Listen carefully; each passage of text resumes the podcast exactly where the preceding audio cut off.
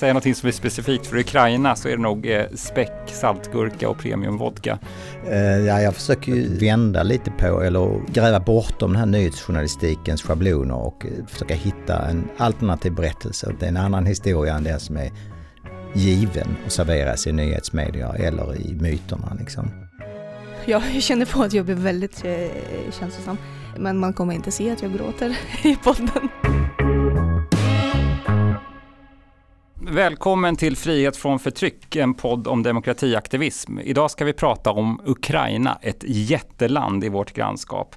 Gäster idag är Paul Frigges, författare till den nya boken I Ukraina på drift. Eh, och Violetta Chastina Ravid som är Ukraina-handläggare på demokratibiståndsorganisationen SILK, Svenskt internationellt liberalt centrum. Jag heter Martin Engeby och jag är chef för SILK. Paul, du är född i Malmö, men du har ett ungerskt påbrå. Betyder det här ungerska att du på ett särskilt sätt kan förstå Ukraina? Uh, nej, det tror jag inte. Jag, jag, jag, är, jag är snarare en upptäckare av Ukraina.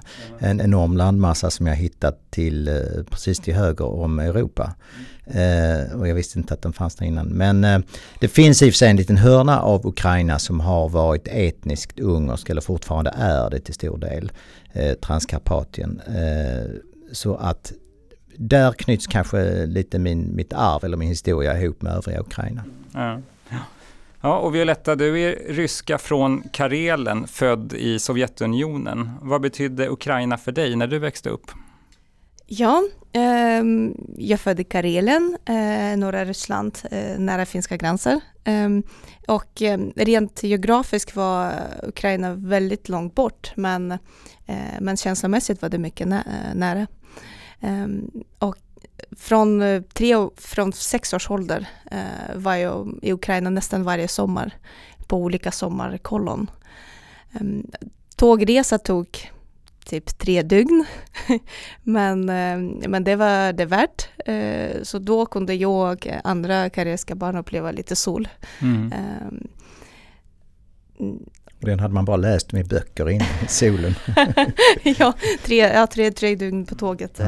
Var då, var, då var ni nere vid kusten då, Svarta havet? Ja. Precis. Och sen min morbror, mormor och morfar bodde i, eh, i Krasnodarski kraj, nära ukrainska gränser. Så det var mycket kompisar och släkt eh, som bodde i Ukraina. Ja. Men att åka till Ukraina var lite som att åka till Mallis för svenskarna?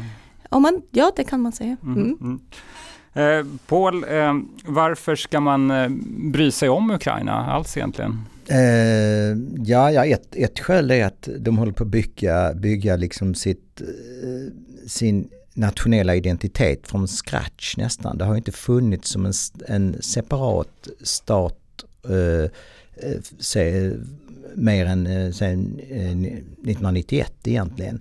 Förutom några lite oklara år där runt eh, efter, efter första världskriget. Men i praktiken så är det ju första gången man har en egen, eh, en egen nation och en egen mm. stat.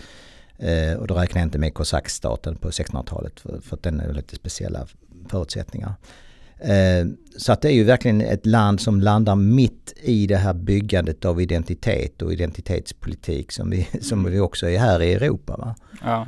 Och här skapar man det från scratch. Så det är väldigt spännande på det viset. Och det är en jättestor fråga det här med identitet och nationell identitet i Ukraina. Ja, det känns som att en litteraturkanon känns mer eh, angelägen i Ukraina mm, kanske mm. Än, i, än, än på vissa andra ställen. Och sen är det så spretig identitet också. De har liksom enorm tolerans. Man kan ha liksom en nationalhjälte som är en högerextremist som uh, samarbetar med Hitler. Liksom. Det är helt okej okay att resa staty över honom. Va? För att det finns den, vad ska jag säga, det utrymmet att uh, ha det som en nationalhjälte. Mm. Det är ett väldigt stort land också med 43 miljoner invånare. Ja. Det är inget, ingen småpotatis. Eh, Ukraina, eller Violetta, du jobbar med Ukraina. Eh, var, varför ska, ska, ska man jobba med Ukraina? Varför är det viktigt? Mm. Eh, Ukraina är ett eh, enormt land som, eh, som ni har sagt. Eh, och senaste, senaste åren fanns det mycket debatt om krig och eh, annektering av Krim och så vidare. Så det är fantastiskt att internationellt eh, uppmärksamhet var så stor. Eh, men det saknas den lite djupare kunskaper om eh, själva landet och eh, inte så mycket eh, egna erfarenheter eh, av landet. Mm, det landet i som ligger precis i mitten, eh, geografiskt centrum av Europa eh, och har jättestora utmaningar. Eh, men samtidigt, det var jättemycket som har hänt eh, som är fantastiskt. Eh, man kan inte jämföra något annat eh, postsovjetiskt land förutom Baltikum. Mm. Eh, när man pratar till exempel om yttrandefrihet. Mm.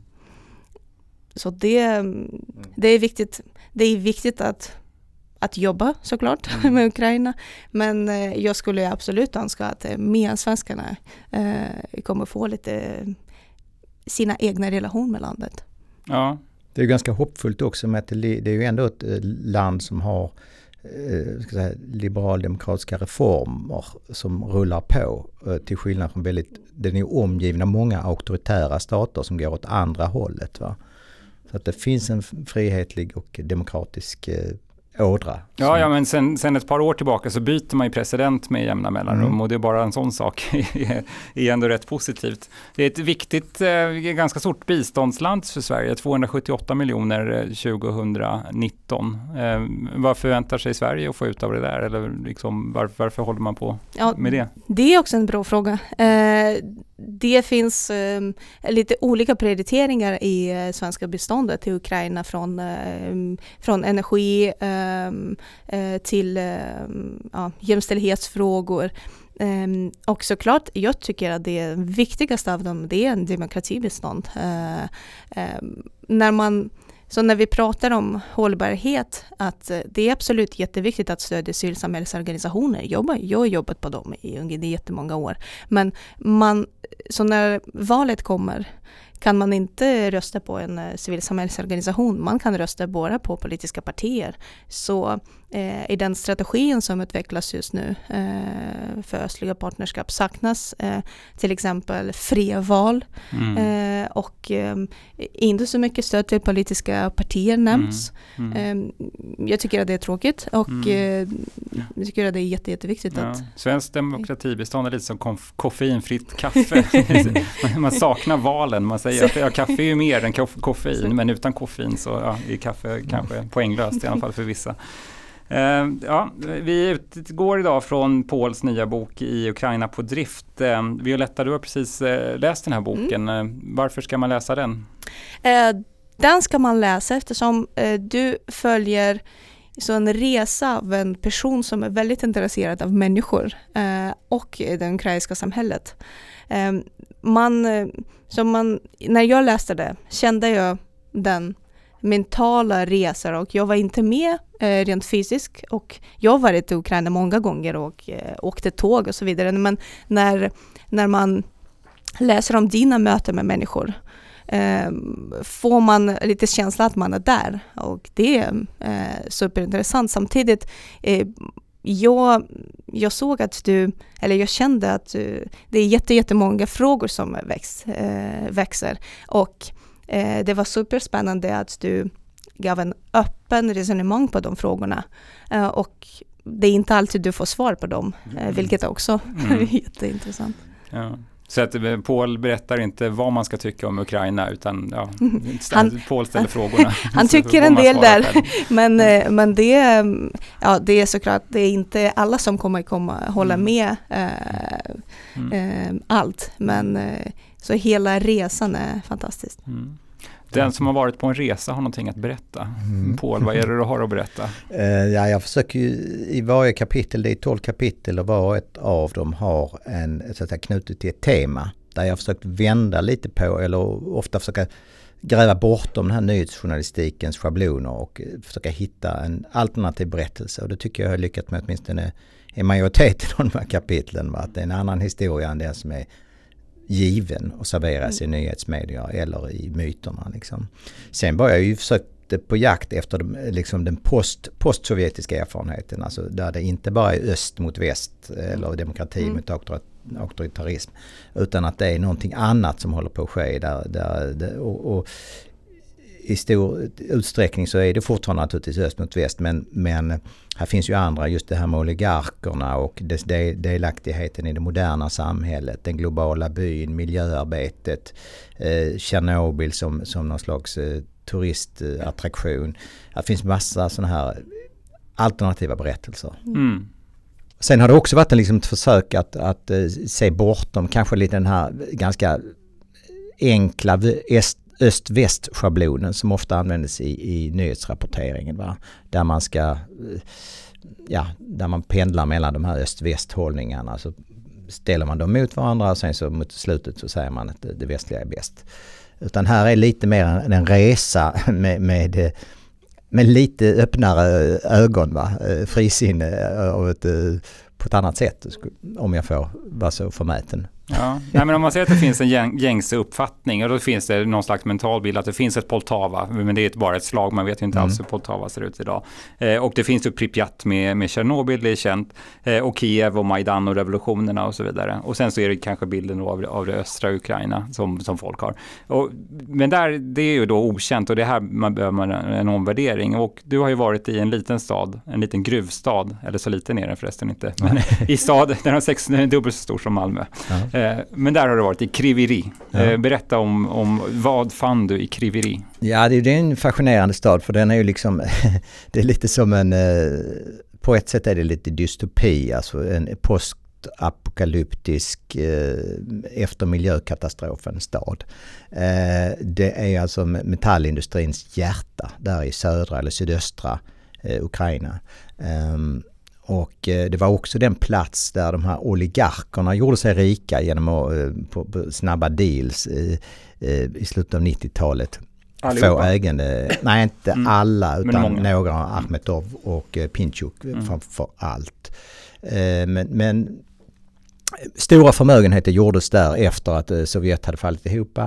Och eh, samtidigt blev det, eh, det var mycket schackrande, mycket fuskande, korruption och samtidigt blev det en succéstory. Så det också har en väldig dubbelhet. Va? Att det, det blev liksom, eh, alltså oligarkernas framväxt är också en historia om Ukrainas återhämtning efter den här misär som följde efter att Sovjet eh, föll ihop. Är man stolt över sina oligarker? Man tycker ändå att det här visar alltså att ukrainare kan business och att man kan lyckas. Ja, jag tror det är dubbelt. Ja. Jag vet, det är väldigt dubbelt för att eh, man, man, eh, de är, de, i och med att det är så stort land så, så blir det väldigt stora pengar som de kan eh, mm. visa upp. Så att visst man är del av någonting ståtligt. Och det finns ju alltid en fallenhet, eh, fäbless för det ståtliga i, i öst skulle jag vilja säga.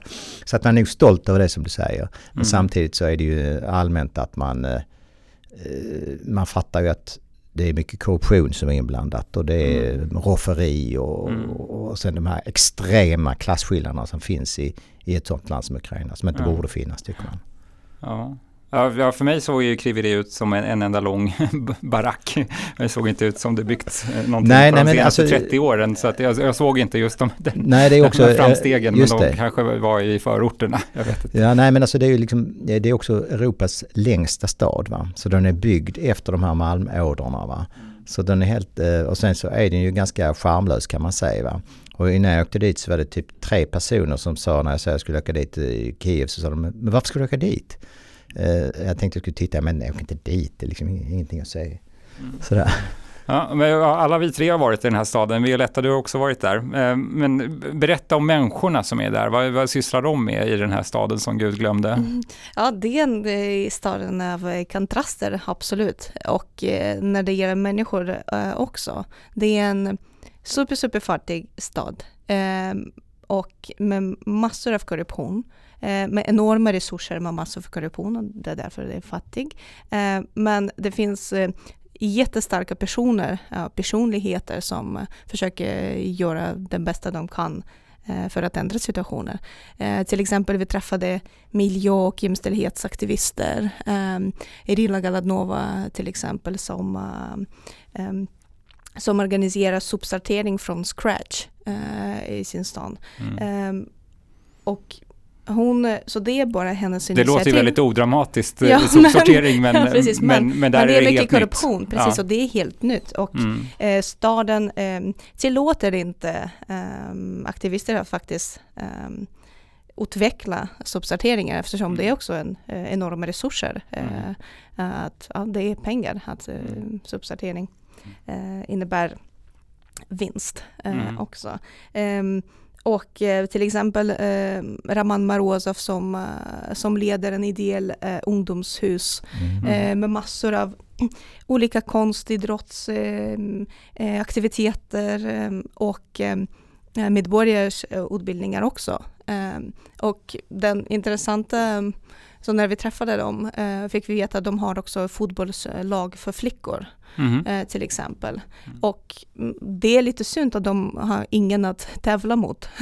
det finns inga andra eh, lag för flickor i um, Kriveri. Eh, men eh, sådana initiativ visar att eh, så oavsett, eller ibland kanske på grund av en stor press på civilsamhället, Mm.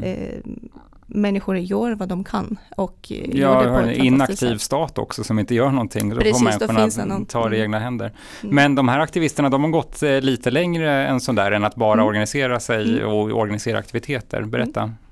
Eh, och ehm, efter så senaste revolutioner av värdighetsrevolutioner som eh, ukrainare säger själv. Eh, de förstod att de kan inte göra skillnad eh, när de båda civilsamhällesorganisationer. Att de behöver en, eh, ett litet steg ehm, så efter. ehm, eller före säger man på svenska. Ja, Framåt kanske. Framåt, precis. Ehm, och då började de organisera sig eh, till ett politiskt parti. Och det finns ett politiskt parti som är väldigt, väldigt eh, starkt i Kriveri. Mm. Eh, Ludej heter de. Mm. Och Det betyder folkets styre. Folkets, folkets eh, Kraft. kraft. Mm. Precis. Eh, och eh, de sitter i kommunfull eh, mak- mäktige. Mm. Eh, och driver sina eh, Mm. frågor där också. Mm.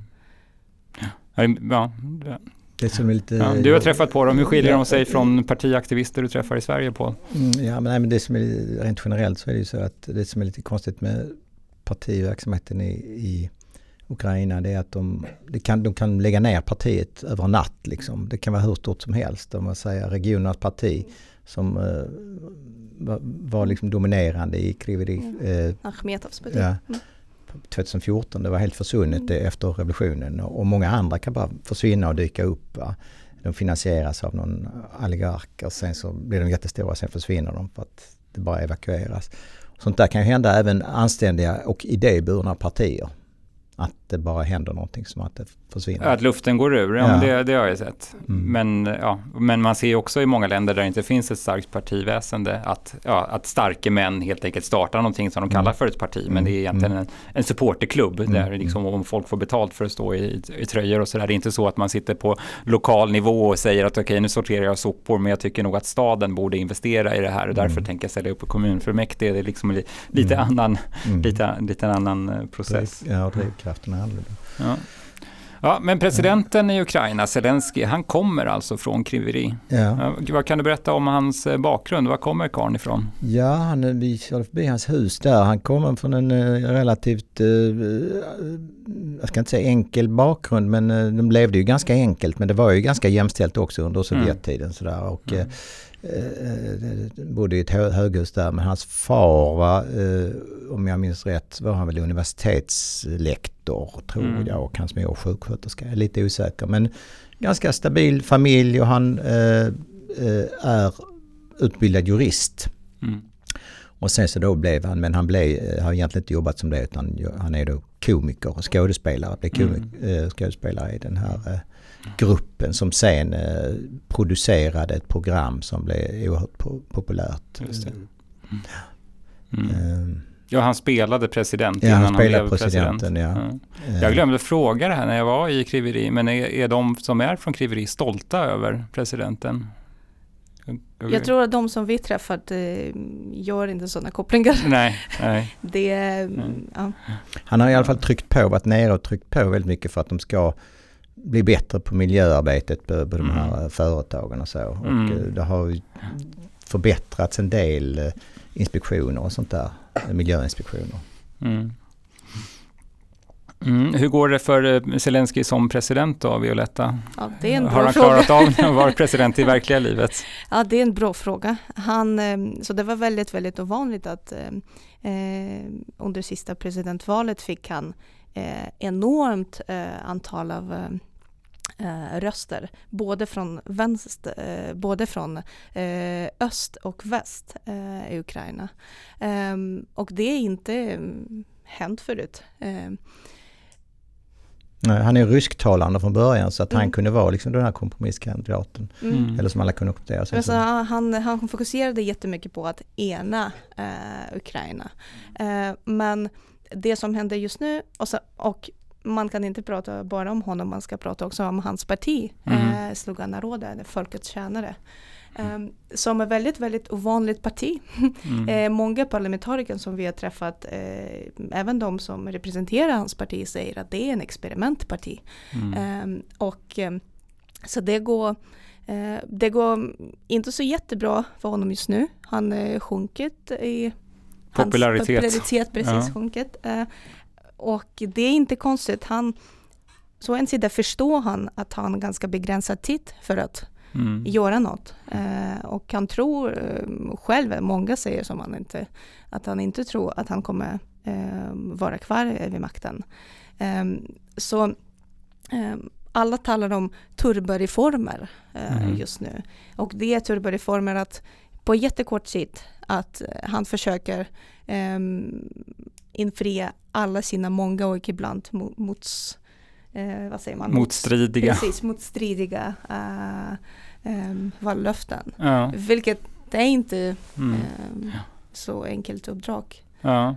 Men man gör en del reformer som har liksom låtit vänta på sig Mm. i 20-30 år, Mm. som landreform och så vidare. Och Mm. sen så gör man det så snabbt så att det kanske Så- blir lite fel och sådär. Precis, men, så det är inte ja. så kvali- kvalitativa. Nej, eh, och så Mm. hoppas man att ingen skor sig för mycket på det här och cementerar nya maktstrukturer. Eh, Paul, hur tror du vi kommer ihåg Zelensky om 15 år? Jag tror faktiskt att eh, han kommer att vara en, en, en viktig del i en trappa mot mer anständiga ledare i Mm. Ukraina. Det Mm. tror jag. Så att han, eh, sen kommer kanske sluta hans, eh, hans presidentskap kanske sluta i någon skandal eh, på något Mm. sätt. Men om man tittar tillbaka, för så har det varit många av de här eh, eh, Poroshenko och, och till och med Kutj, ända tillbaka till Kutjma, att, att, eh, att det har ändå varit steg mot mer anständighet och öppenhet och demokrati sen Sovjet, skulle jag säga. Mm. Så han är en del av dem och ett ganska bra steg ändå. För hans ambitioner är ju, är ju väldigt vällovliga och uppriktiga tror jag. Ja, Sen, Det- han, ja. sen han, kanske kan han inte maktspelet och då blir ett röd för vinden eller för många Ja. maktspelare. Men, ja men han, jag tyckte väl ändå att folk, att han levererat över förväntan så att säga. För han var ju ett oskrivet blad på många sätt när han tog över. Ja, det, det, en del tycker det ena, andra tycker Mm. det andra. Men, men stora ambitioner men också st- anständighet på en högre nivå än tidigare. Mm. Ja, något som du skildrar i boken och som nästan känns som det var flera år sedan nu, det är ju att, eh, att han var ju också huvudperson i, i riksrättsmålet mot president Trump i USA. Just det. Vilket gjorde, Mm. det är det som kanske många som känner till Zelensky känner till honom för det här så att Mm. säga. Men jag upplevde aldrig att det var en stor sak i, i Ukraina, just det här. Eller, eller? Några av mina kompisar, eh, det Mm. var en stor Jaha, sak för okej. dem. Ja. Eh, Så det var inte, det var bortglömt. Nej. Eh, nej. Nej. Så de tyckte att han, han gjorde fel och Mm. ja. Mm, Ja. Absolut. Ja. Men det var också, mm, när man pratar om eh, Zelensky om 15 år, det är också ganska viktigt att, att tänka på vad, så att definiera vi, vad, vem är vi som kommer tänka på dem, på honom. Ja. Om det är till exempel, om det är en Sven, eh, om det är Sverige eller kanske andra länder i väst. Jag tror att den viktigaste frågan som han kan bli ihåg eh, Kommen. kommen Mm. Eh, det, är en, det är kriget Ja. och Mm. eh, det är mm, relationen med Ryssland. Och det är Men- bara, Mm, Men alltså, när, när, v- vad tror du att var så hemskt? Var det att han blev bortgjord och blev inspelad och att det spelades upp hur han smörade för Trump? Eller var det att han, han faktiskt eh, sa att, eh, han, att, han, att han verkligen la sig på mattan för Trump? Liksom att han, att han eh, smörade och, och, och, verkligen smickrade Trump? Eller vad är det som är problemet? Att han Jag- gjorde bort sig eller det moraliska att han Mm. smörade för att få vapen Mm. eh, och stöd mot Ryssland? jag tror det var både och. Eh, men för vissa av mina kompisar det var mest den, den där andra delen. Att det var moralisk. Fel.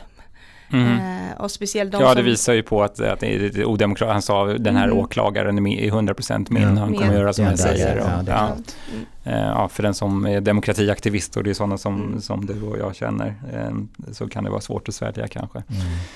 Ja, eh, men du nämnde kriget som, som ett viktigt arv. Hur mycket märker man av kriget när man är i städer som är lite närmare fronten, sådär, några timmars bilresa som Ja. Charkiv och Kriviri? Hur Ja, märker man kriget ja, alltså, där? Kharkiv ligger ju jättenära. Eh, jag märkte ingenting egentligen eh, kan jag säga. Eh, det var ju annorlunda efter, eh, precis efter eh, när det hade brutit ut eh, 2015 och, Mm. och sådär. För då var det ju så mycket flyktingar från Donbass, alltså väldigt många Mm. som kom dit. Och, så, då fanns ju den känslan. Mm. Men nu har det där liksom, de har liksom integrerats mer. Och, och, Ja, de hyr en lägenhet någonstans och så ser man dem inte längre. så Mm. staden Charkiv har ju växt kraftigt men, men jag har ju ingen känsla av att det känns ju väldigt civilt och man, det får ju ingen undantagstillståndskänsla på något sätt. Va? Utan och det är ju snarare den här känslan av normalitet och sch- schysst eh, europeisk stad på något sätt fast den ligger så långt öster. Mm. Violetta, såg du någonting av kriget? Eh, ja, Mm. eh, det gjorde jag. Och Mm. På lite, oli- lite olika sätt. Eh, precis. Eh, så det var fantastiskt på ett sätt att jag var i Donetsk precis innan kriget. Det var, det var ehm, februari 2013 Mm. eh, var jag där och sen var jag i Kiev eh, och Lviv eh, på hösten 2014. Så jag faktiskt kände ja, lite utvecklingar där och ehm, igen, många av mina kompisar flyttat till Kiev till exempel eller till andra städer från, eh, från Donetsk. Ehm, en del men samtidigt så i Ryssland känner jag personer som eh, flyttade till Ryssland från Donetsk eh, och eh, ja, stödde en annan sida. Ehm, så absolut, jag märkt och så teman av krigstema och revolutionen och ehm, eh, annekteringen av Krim, det är en pågående tema av många av mina kompisträff. Eh, och eh, jag reser till Ukraina ganska ofta och Mm. eh, ehm, tyvärr pratar vi mycket om det eftersom Mm. det har hänt och det är väldigt, Mm. väldigt sorgligt och väldigt Mm. eh, känslomässigt för mig. Ja. Ja. det som jag såg, vi var på en pizzeria som hette Veteranpizza Mm. som var ett, en franchise Mm. för krigsveteraner eh, som var väldigt eh, liksom, eh, ja, krigsromantisk skulle man kunna säga. De hade byggt eh, Ukrainas stadsvapen av tomma patronhylsor i, i borden och, och sådär. Så att det, det finns ju de sentimenten också, även om det liksom inte delas av alla, men det är en, en av strömningarna i samhället. Får jag bara fråga lite, lite aspig här kanske, men varför är det känslomässigt för dig? Ehm, så nu, jag känner på att jag blir väldigt eh, känslosam. Ehm, men man kommer inte se att jag gråter i podden. Mm. Eh, så Ukraina var, eh, som jag berättat, så, var så nära. Ehm, Mm. Mm. mm. Ja, Men mm, ehm, ja, jag, kan, jag kan fortsätta med lite ostabil röst. Ehm, och eh, så det var, ja, nu börjar jag från ett eh, annat håll. Att, eh, det fanns ett fantastiskt, ehm, inte app men sån eh, test som man eh, började göra eh, efter kriget, ehm, eller under kriget. Ehm, att hur man ska överleva en kollaps eh, av eh, hela landet mm. i sin familj. ja. Ehm, så det är massor av familjer som eh, hade släkt i Ukraina och ehm, i Ryssland.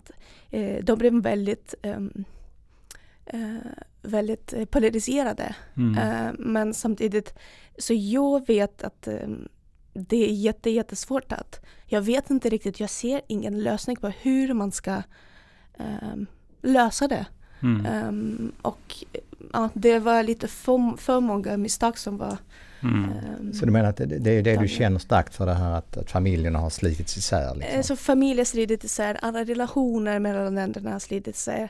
Eh, Och eh, Ryssland, eh, det är absolut eh, Rysslands fel. Ehm, och så jag måste inte, men jag känner lite skum för att eh, vad Ryssland gjorde. Även om, ja, såklart jag är rysk medborgare, men eh, det känns att jag måste, jag måste göra något åt det.